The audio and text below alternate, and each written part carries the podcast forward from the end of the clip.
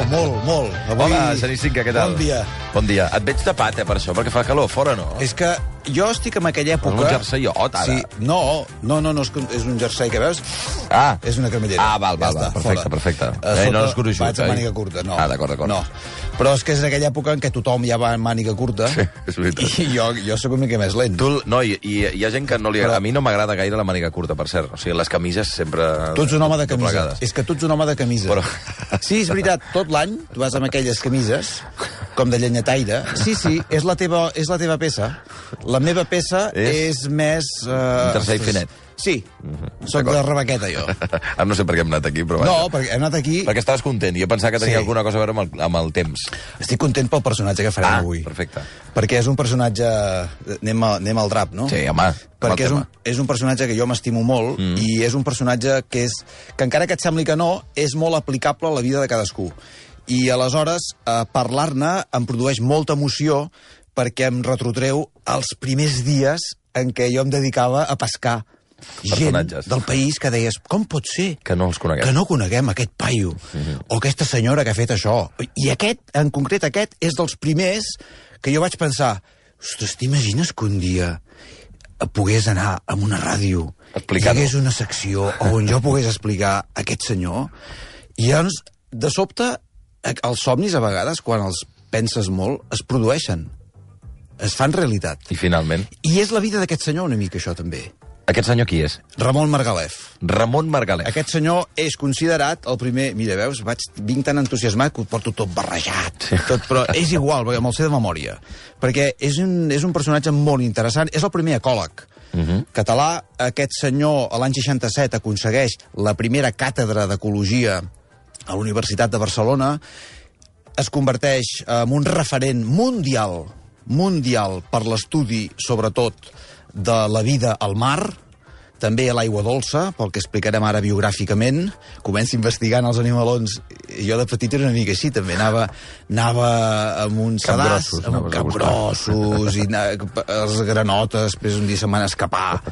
La meva mare, què és tot això? Bueno, saps? Els hàmsters, saps allò Ai, que calla, els hàmsters. Perdona. Sí, sí, no, a casa també n'havíem tingut. Interessantíssim. Sí, sí, i tortugues. Eh, tortugues, i aquesta mossega, aquesta no, com es reprodueixen. Bé, Sí, les sí. tortugues costa que es reprodueixin, però per, per, Són un xou, quan són un show, reprodueixen. són un show. Però aquest senyor, eh, que de l'any 67 al 86, atenció ara, eh, perquè el que t'està a punt de passar a l'ordinador és espectacular. Per què? Perquè de sobte veuràs com hi ha gent que per pura connexió amb el Ramon Margalef mm. comencen a enviar missatges a dir jo el vaig tenir de professor mm. i gràcies a ell jo sóc ecologista o ecòleg, i són coses diferents són...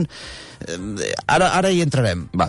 Um, en Margalef va ser director de l'Institut de- d'Investigacions Pesqueres del CSIC l'any 65, fixa't, eh, sota el franquisme, un home que havia tingut una, una experiència biogràfica molt traumàtica en la guerra i que aquesta experiència el va acabar de catapultar en la seva dèria personal d'investigar de, de la ciència. Mm -hmm. Aquella primera, aquell primer vessal, pràcticament, que hi havia al jardí de casa seva, a Barcelona, el va, eh, el va, el va explotar tant a nivell personal que va convertir el mar, l'oceà, en la seva causa d'investigació. Tant és així que fins i tot va, hi ha una alga, bé, hi ha, hi ha molts, hi ha algunes espècies marines que tenen l'honor de tenir el nom de Ramon Margalef. Ah, sí, eh? N'hi ha, hi ha una alga, una alga en concreta, bé, hi ha diverses espècies biològiques, eh, que, que estan anomenades com el margalef. N'hi ha una, però, que és la picarola margalefi, va, això ho fan els científics. Picarola. Sí. la picarola margalefi, que es va trobar per primera vegada a les aigües mediterrànies i que rep el nom del Ramon Margalef.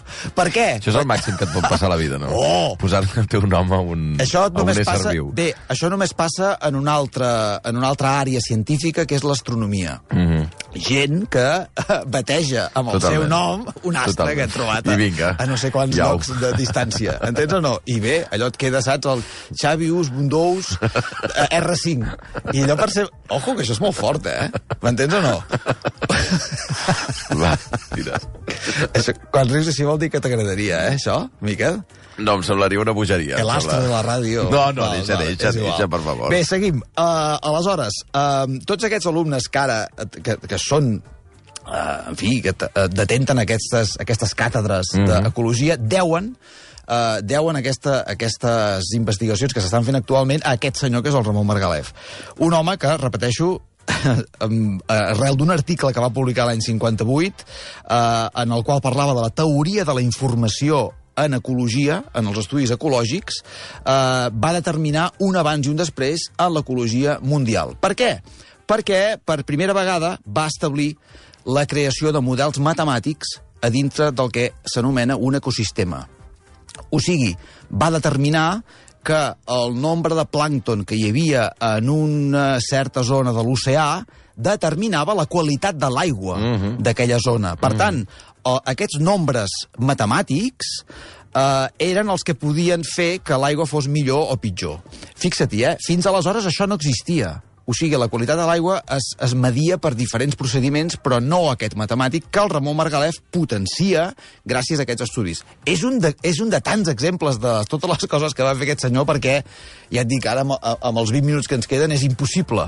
Però jo penso que hem d'anar a l'arrel del, del, del personatge perquè es fa conegut per un fet que és la combinació d'aquest cicle de la matèria, o sigui, el que hi ha al mar, amb el flux d'energia que, que, que, que, que provoca. Un catxalot, per exemple, uh -huh. ha de baixar molt avall per, per, per aconseguir cert tipus d'aliment i aleshores es converteix en un predador prudent, que ell deia perquè, de, clar, baixar allà baix implica un, un, una despesa d'energia tan important que potser és millor quedar-se aquí dalt i només baixar. Ara, quan baixes, has de, has de clavar-la al 100%. Sí, sí. Per tant, et converteixes en un predador molt efectiu perquè saps que si baixes, gastes tant com que si no menges, morts. Per tant, tot aquest establiment fa que, per exemple, el Ramon Margalef arribi a conclusions impressionants com, que, com per dir que les piscifactories són una porqueria. Ah, sí? Perquè, esclar, aïllar un catxalot amb una piscineta, perquè és un mal exemple, eh? Sí, no, no, ja t'entenc, ja. Criar llobarros en un, en un lloc és una estupidesa, uh -huh. perquè precisament el llobarro creix quan té l'ecosistema que li permet créixer. Quan s'hi obliga, diguem-ne. Bé, i aquí arriba la perversió de l'home en l'ecologia. Val? Aconsegueixes crear una sèrie de gent molt estúpida que es pensa que està fent un bé a nivell mundial i resulta que el que està fent és una gran estupidesa. Uh -huh. El que està fent és no entendre el que té al voltant. I això comença amb una entrevista sensacional que jo demano, per favor, que tothom vagi aquesta tarda, quan estigueu fent la migdiada, Sí. poseu l'entrevista del Josep, Es- del Josep Maria Espinàs, Sí. que li fa l'any 87 al Ramon Margalef, perquè és or, és pur, és or. I jo te n'he extret, jo te n'he extret els quatre millors moments d'un objecte... Mira que porto aquí, Què espera't, eh? portes? Ara se fica la mà a la butxaca. Els claus de casa, però mentrestant, mentrestant, Va, que soni, que soni. escoltem. Margalef. Ens ha portat un objecte, un objecte molt curiós. Uh, M'hauria de dir què és això i per què ens l'ha portat. Escolteu, això. Bé, potser això està una mica fora de, de, de, fora de, la, de la cronologia que jo, jo pensava. Doncs guardem-lo per un altre moment. No, no. No, no, no. Va, Primer... Què vol? Què vol la- ensenyar? Ens La bosseta aquesta, la bosseta aquesta. Vostè mana. La Ja, els objectes aquesta, són sí. de vostè. Ja. Sí, sí. És molt bonic. No, perquè quan em va dir que portés quatre coses, Sí. Ja. he, he, Ojo, eh? pensat una mica amb el, Ah, amb el que miri, descriu la meva, la no meva havia passat activitat. mai això i m'agrada molt i vostè ha demostrat Sí. la seva activitat científica o menys organitzada i metòdica dient primer aquest, no? Doncs Sí, bé. perquè aquest correspon a l'època que, que parlava abans d'excursions amb és els botànics i Què el ens pot d'això? no, és un simple colador. Eh? És un colador. que, que amb això home, he fet moltíssimes excursions i amb coladors semblants, perquè que, que aquest és un de nou, evidentment, perquè els altres ja es podreixen i es perden, eh, recollir petits crustacis i organismes submicroscopis, diguéssim, eh, molt petitets, de clots d'aigua, de rius, d'embassaments... i tot Això, això ha sigut una activitat que a mi em va tenir ocupat des de eh, posem des de l'any 45 fins cap als 60. O sigui, he fet moltes excursions i he publicat molts treballs, gairebé centenars, diguéssim, sobre descripcions d'aquests organismes. Li treu un colador. Però, és clar, o sigui, és un colador... Això s'hauria de recuperar, eh? És a dir, les entrevistes que el, el convidat porta uns estris i te'ls treu de la butxaca. Bé, eh, porta la bosseta. Ara. Ell porta una bosseta. En aquesta bosseta, el primer objecte, i en porta quatre, els passarem a descriure, el primer és un colador. Però és un colador que s'ha fet ell. Ahà. I aquí entrem a la primera, o sigui, el, el primer gran punt, eh, el biogràfic. El primer gran punt eh, d'excel·lència del personatge. T'has fixat amb l'accent? Aquesta gent ve del Priorat. Uh Ahà. Això és Priorat. Uh, és un punt biogràfic molt important. La família del Margalef, els pares i els avis, eren del Priorat i eren pagesos. Ahà. Per culpa de la filoxera, sí. que era aquell escarbatet que es va carregar tota la vinya catalana, se'n van haver d'anar a Barcelona.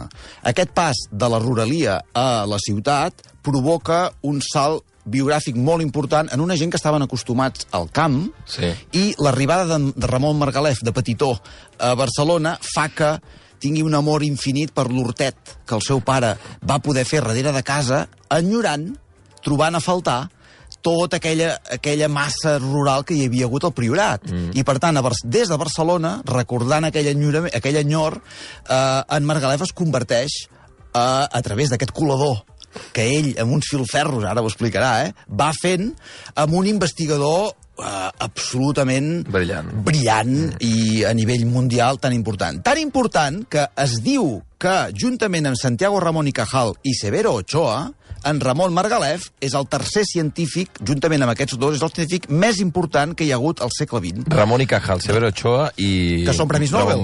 Que són Premis Nobel. O Però- sigui, però, el Ramon y ostres, és- Cajal és va, tri- va descobrir la sinapsi, la sinapsi de, de, de, del cervell. O sigui, Clar, la, però és tristíssim, perquè si és el tercer i els altres dos són tan famosos a tot arreu, Xavi, el Margalef, per què no?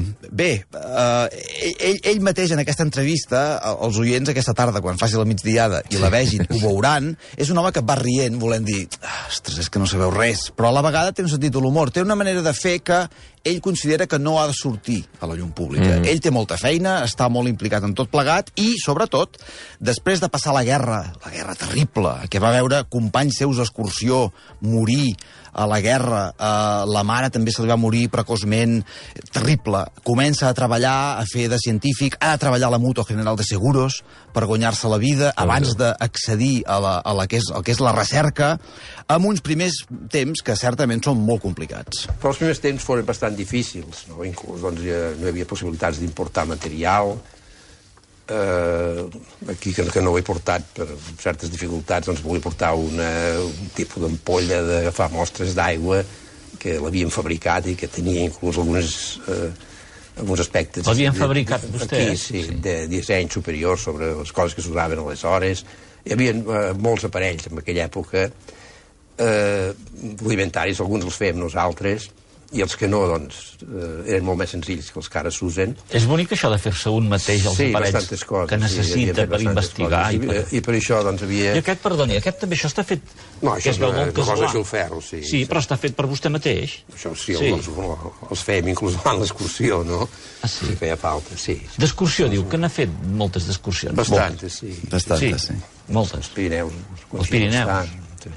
A l'Espinàs li fa una pregunta que l'altre diu, com? A a mi em demana quantes excursions... no. Evi- O sigui, jo m'he passat la vida caminant. D'excursió. I- Per cert, evidentment ens estan arribant missatges eh, d'oients. La Rosabel, que diu, oh, mira, mon pare era pescador de la Barceloneta, el va conèixer i sempre en diu que li encantava, sobretot que li expliqués coses del mar. Que, era un gran explicador. I en Josep Canals, que per cert, pel que veig al seu canal de, de Twitter, eh, va ser alcalde de Corbera, de Corbera de Llobregat, és Sí. ecòleg, diu, um, gran Ramon Margalef, jo només vaig gaudir-lo en una classe magistral que va fer quan ja era catedràtic emèrit. Quan un llibre és anomenat pel seu autor és que és molt gros, i és el seu cas. És gros, és gros.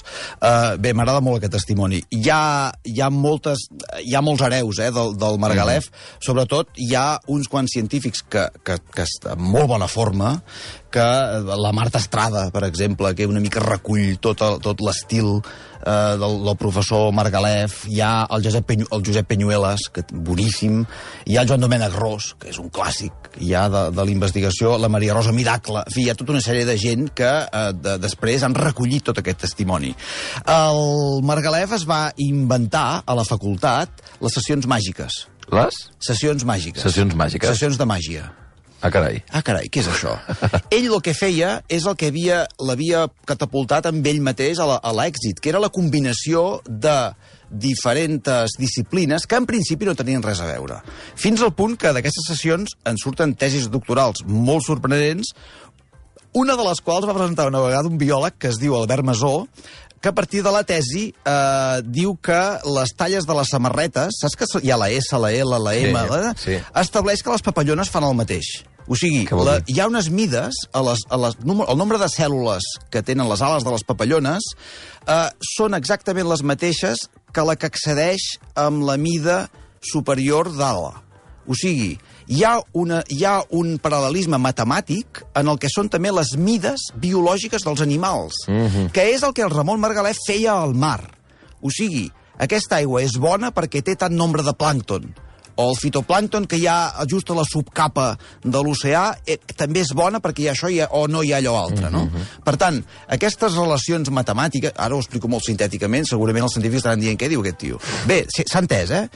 De la mateixa manera que tu has de contemplar un ordinador com un ecosistema, pel nombre de cargols que té, que segurament tindrà un paral·lelisme matemàtic amb el nombre de cargols que té un altre, un altre ordinador. Evidentment té un component que és únic, que és la pantalla.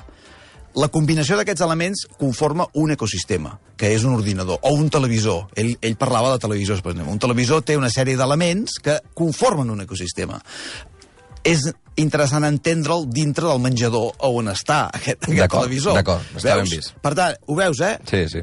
Tot això excitava els alumnes de tal manera, com ara aquest, aquest senyor de Corbera de Llobregat, mm. que és un lloc molt interessant, per cert, que Sí. és un lloc que fa molta pujada i baixada.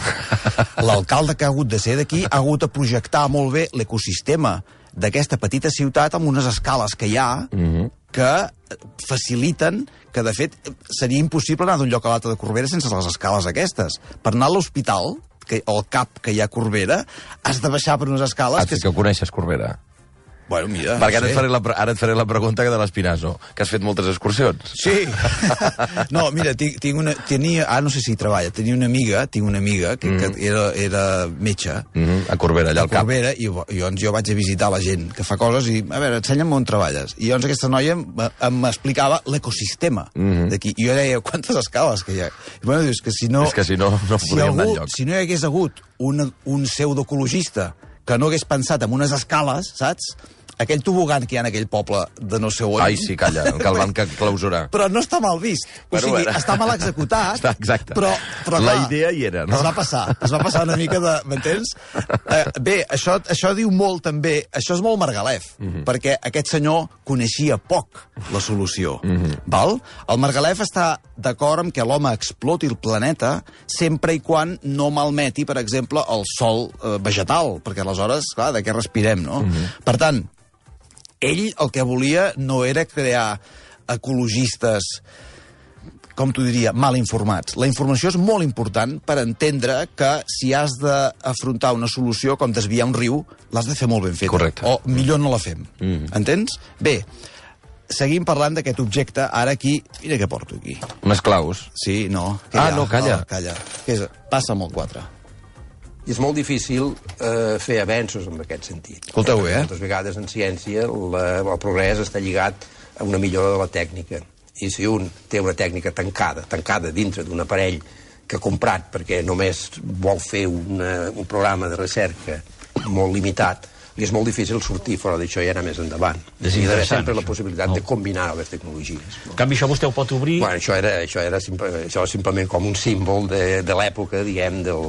Des de, És allò que hi surten no sé quantes cinc- coses. Sí, des del 55 al 60, eh, per, per aquell temps. Jo només sé fer això, ja, ja, Clar, amb això ja, ja tinc basta. por de fer-me mal. Sí, això n'hi ha prou. Val. Li acaba d'ensenyar una Això navalla mateix que tens suïssa. tu, una navalla suïssa. Jo sempre en porto una aquí. Però és petitona la teva, però vaja, la fa la petita funció. perquè si no em pesaria molt la butxaca. És veritat. Esclar, a mi aquesta navalla me la va regalar el doctor Vidramina. Uh Mhm. -huh. uh, aquest senyor, que del no-res, observant els soldats aliats desembarcant a la platja de Normandia, allà, al desembarco de Sí, Normandia, no? sí. Uh, es va inventar la vidramina i va pensar, aquests soldats, per no marejar-se, què devien prendre? Què els devien donar? Li, els donava la dramamina i ell s'inventa la biodramina, però imagina't tu, eh?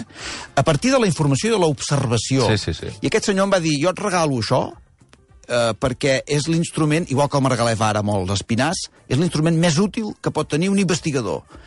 En aquesta navalla suïssa jo hi tinc un escuradents, Sí.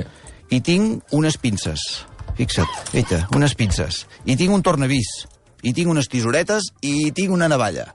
Jo amb aquesta navalla suïssa et puc desmuntar la ràdio aquesta en, en mitja hora. I a tu també. M'entens o no? Et puc cosir un botó, et puc fer el que vulguis. El Margalef és el gran científic de les frases totalment indiscutibles. Diu, un bon ecòleg ha de ser capaç de collar cargols amb un martell i clavar claus amb un tornavís.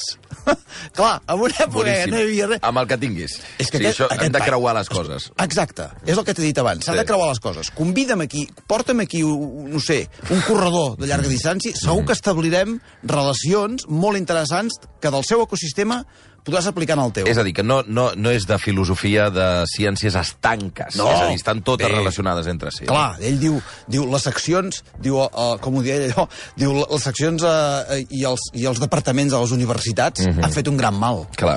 Perquè, és clar, destrueixen un ecosistema natural que és molt més ampli. La relació. Sí. Entre, entens? L'altre dia vaig visitar la facultat de, de, de, de, on vaig estudiar, de Ciències de la Informació, i, és clar, aquells passadissos... Allò és massa estret, allò. Mm. Allò no, no, no, no facilita la comunicació, Mm. en una facultat que és de comunicació. I què fèiem quan estudiàvem? Anàvem al bar. Clar, El bar és la primera classe d'una universitat de periodisme. És veritat. És on s'ha format tots aquests, el Pou, tots aquests que, ara, que, ara, que, que, que parlen tan bé, Mhm. s'han format en un bar. Bé, no sé si ell mateix, eh? So, bé, Bueno, no ho sé. Bueno, no ho sé. Jo la Melero la vaig conèixer al bar. ah, veus? Molt interessant, perquè era un lloc on podies parlar. Clar. Perquè, clar, a classe no pots parlar. Sí, sí, totalment, Entens? El Víctor totalment. Amela se'ns emportava al bar. Deia, hoy no hacemos clase, vamos al bar. Va, potser perquè volia prendre alguna cosa. Però la veritat és Però que sí allà alguna cosa. interessant. Bé, allà era interessant. Aleshores has d'entendre aquestes sessions de màgia que el Margalef creava a la classe amb el següent invent. I l'altre eh, era la- una regla de càlcul, perquè és abans de, de, de l'època de les computadores. Eh? Expliqui'm la regla de càlcul. no, vostè, no, vostè mana. Això, és un... L'Espinàs està, que És dir. una regla de càlcul, que aquesta Faci, sí que faci. realment l'ha estat amb mi durant molts anys i, i l'he trobat molt útil. Eh, I encara ara l'uso, malgrat doncs, disposar també de, almenys d'aquestes computadores de butxaca. I, I per mi també és una mena de símbol perquè eh, un dels aspectes de, dintre de l'ecologia doncs, amb què em va què vaig tenir més interès durant tot aquest temps va ser la quantificació, és a dir, introdu introduir la matemàtica i la física dintre d'una sèrie de coses o d'aproximacions biològiques a l'estudi de la naturalesa. Ah, és molt bo, eh? Jo, de, de veritat, recupereu-lo i apren, apren, aprenem una mica d'aquest senyor. Després et llegiré un parell de que- missatges que estan arribant. Després diu, a l'Espinàs li diu, però escolti, hem d'escoltar l'últim, ara escoltarem l'últim tall, que és, és, és la culminació del personatge i la gran frase que, del Margalef, que és el que hauria de titular la, la, la seva biografia. eh? el, és, és, el gran, és el pròleg i és l'epíleg d'una vida dedicada precisament a sintetitzar el que, el que, tot, el que sembla tan complexa. Mm. Deia, la natura no és difícil. Quan una cosa s'escalfa, has d'esperar que refredi. No té més. I s'ha d'ensenyar aquesta simplicitat. Si tu estàs assegut en aquesta cadira, no hi pot haver ningú més assegut en aquesta cadira perquè ja n'hi ha un. Entens? Per tant, això, un cop ho has entès, Ostres. és així de simple. És fantàstic. Quin gran eh? professor de Vicent. Oh, es veu que s'enamoraven els alumnes d'ell perquè eh, clar, els de, eh, també gent que no era de biòleg, biòleg eh, economistes. Perquè, és clar, aquest paio, aquesta gent es van haver d'inventar un, mic- un microscopi. Clar. Eh, eh, anant a un mercat de vell a comprar peces, a comprar lupes aquí, i tu, tu pots imaginar això? És que és molt fort. El que ha passat en aquest país ha incitat aquestes grans individualitats. Uh, ara, jo no sé... Ja, No, m'anaves ah, a sí, sí, sí. el de- el. L'Espinàs diu, escolti, Sí. el problema d'avui dia de la, és la contaminació. Diu, no, què va? La contaminació avui dia no és el problema. Ah, no? Però si tothom parla de la contaminació. No, no, la, la, és la, de, la desertització. Ah, molt bé. I llavors li assenyala les càmeres de televisió que hi ha. Diu, mira aquestes càmeres tan fantàstiques que tenim aquí a TV3. Aquestes càmeres només serveixen per esbombar un missatge de... que no és la recerca científica. Aquí no, tot això ho controlen els polítics i ens fan anar per on volen. Si jo tingués una sola d'aquestes càmeres per filmar un bosc i podré, poder establir com és la vida d'aquell ecosistema, i no en tenim ni una a la facultat. Ho veieu? I en canvi aquí n'hi ha tres. Jo en veig tres de càmeres. I totes estan a mercè de la mediatització i d'aquest joc mediàtic que estem tots ficats i que no serveix per res, en el fons, només que per entreteniment. Mm. Per tant, més recerca, més investigació... Tot sembla collonant, això, perquè és veritat. I és així, Perquè va. és, és així. Després diu, el gran problema és el nord-sud. Bueno, en fi, ara ens n'aniríem. Però és que hem d'escoltar hem d'escoltar el millor moment, crec, a parer meu, de l'entrevista de l'Espinàs, que aquesta tarda tothom anirà a escoltar al YouTube. Vull veure aquesta tarda el YouTube com rebenta veient aquesta entrevista, perquè diu la gran frase el, el Ramon Margalef, que és els poetes han de menjar. Els poetes han de menjar. Atenció, Aquesta és eh? una afirmació. I l'altra afirmació és que la cultura té com a base doncs, un organisme, un organisme doncs, que reprodueix, un organisme que està subjecte a una selecció natural. I la, la cultura és realment doncs, un subproducte, eh? i dic subproducte, ni que alguns s'escandalitzin, del fet que aquesta selecció natural ha portat amb un organisme que sap aprendre a aprendre, o diria aprendre, aprendre, aprendre, no? Eh, escolti, és, vostè que és molt provocatiu, en el fons, com tot el científic que investiga. Diu, els poetes han de menjar. M'ha agradat molt això. Esclar, I Ara, ara, la, la natura mm, no cal que faci versos. Els fa.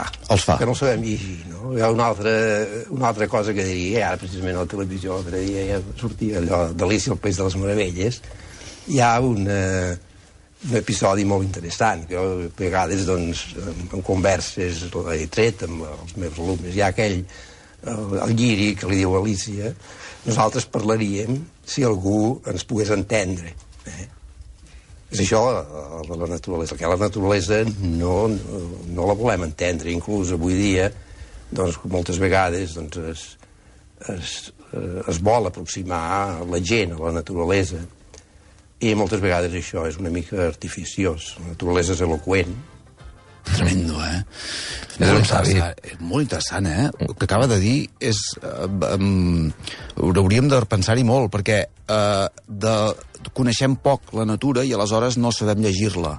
Aquest lliri que li diu Alicia, jo és que parlaria molt, però és clar, si tu no m'entens, interessantíssim, eh? Aquest és un personatge a descobrir, segurament eh, en un futur en parlarem més perquè se'ns escapa, perquè són moltes coses, i mm, què Va, volies eh, llegir? No, tres missatges. L'Anna diu, soc biòloga, vaig estudiar ecologia amb ell, totalment d'acord amb vosaltres, gran explicador, les seves classes eren especials imprescindibles per poder sortir-se'n, on tinc un gran record. En la Montse, per, per entendre fins a quin punt capturava la- l'atenció, diu, recordo una classe a la facultat on ens va plantejar el dubte de si les mosques es distribueixen de manera aleatòria en un cagalló o si segueixen una pauta. Oh. em sembla brillant. Sí, perquè, clar, de cop, I I segur- diu, però de què està parlant aquest senyor, no? I segurament...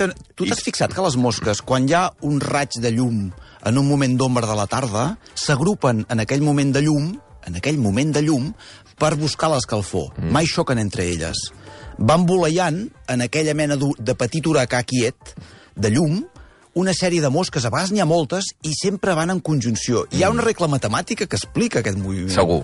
Uh, i, el, i, I un altre oient que deia el Ramon Margalef no va rebre el Nobel perquè no entra en cap categoria. Clar, era tan ampli. Diu, però sí que va rebre el Premi Hansman, Sí, que senyor, és molt bé. equivalent pels uh, oceanògrafs. Com es diu aquest noi? Uh, mira, clar, és un nom de... És igual, nom de xarxa petróleo, vull dir, no crec que es digui així. M'ha faltat dir això. O potser sí, eh? Sabadell o Parma, diu. Uh, igual es diu Petro. Ah, Bé, no ho sé. igual. Uh, Genís, uh, interessantíssim. Ramon Margalef avui als Honorables Catalans. Moltíssimes gràcies. A vosaltres.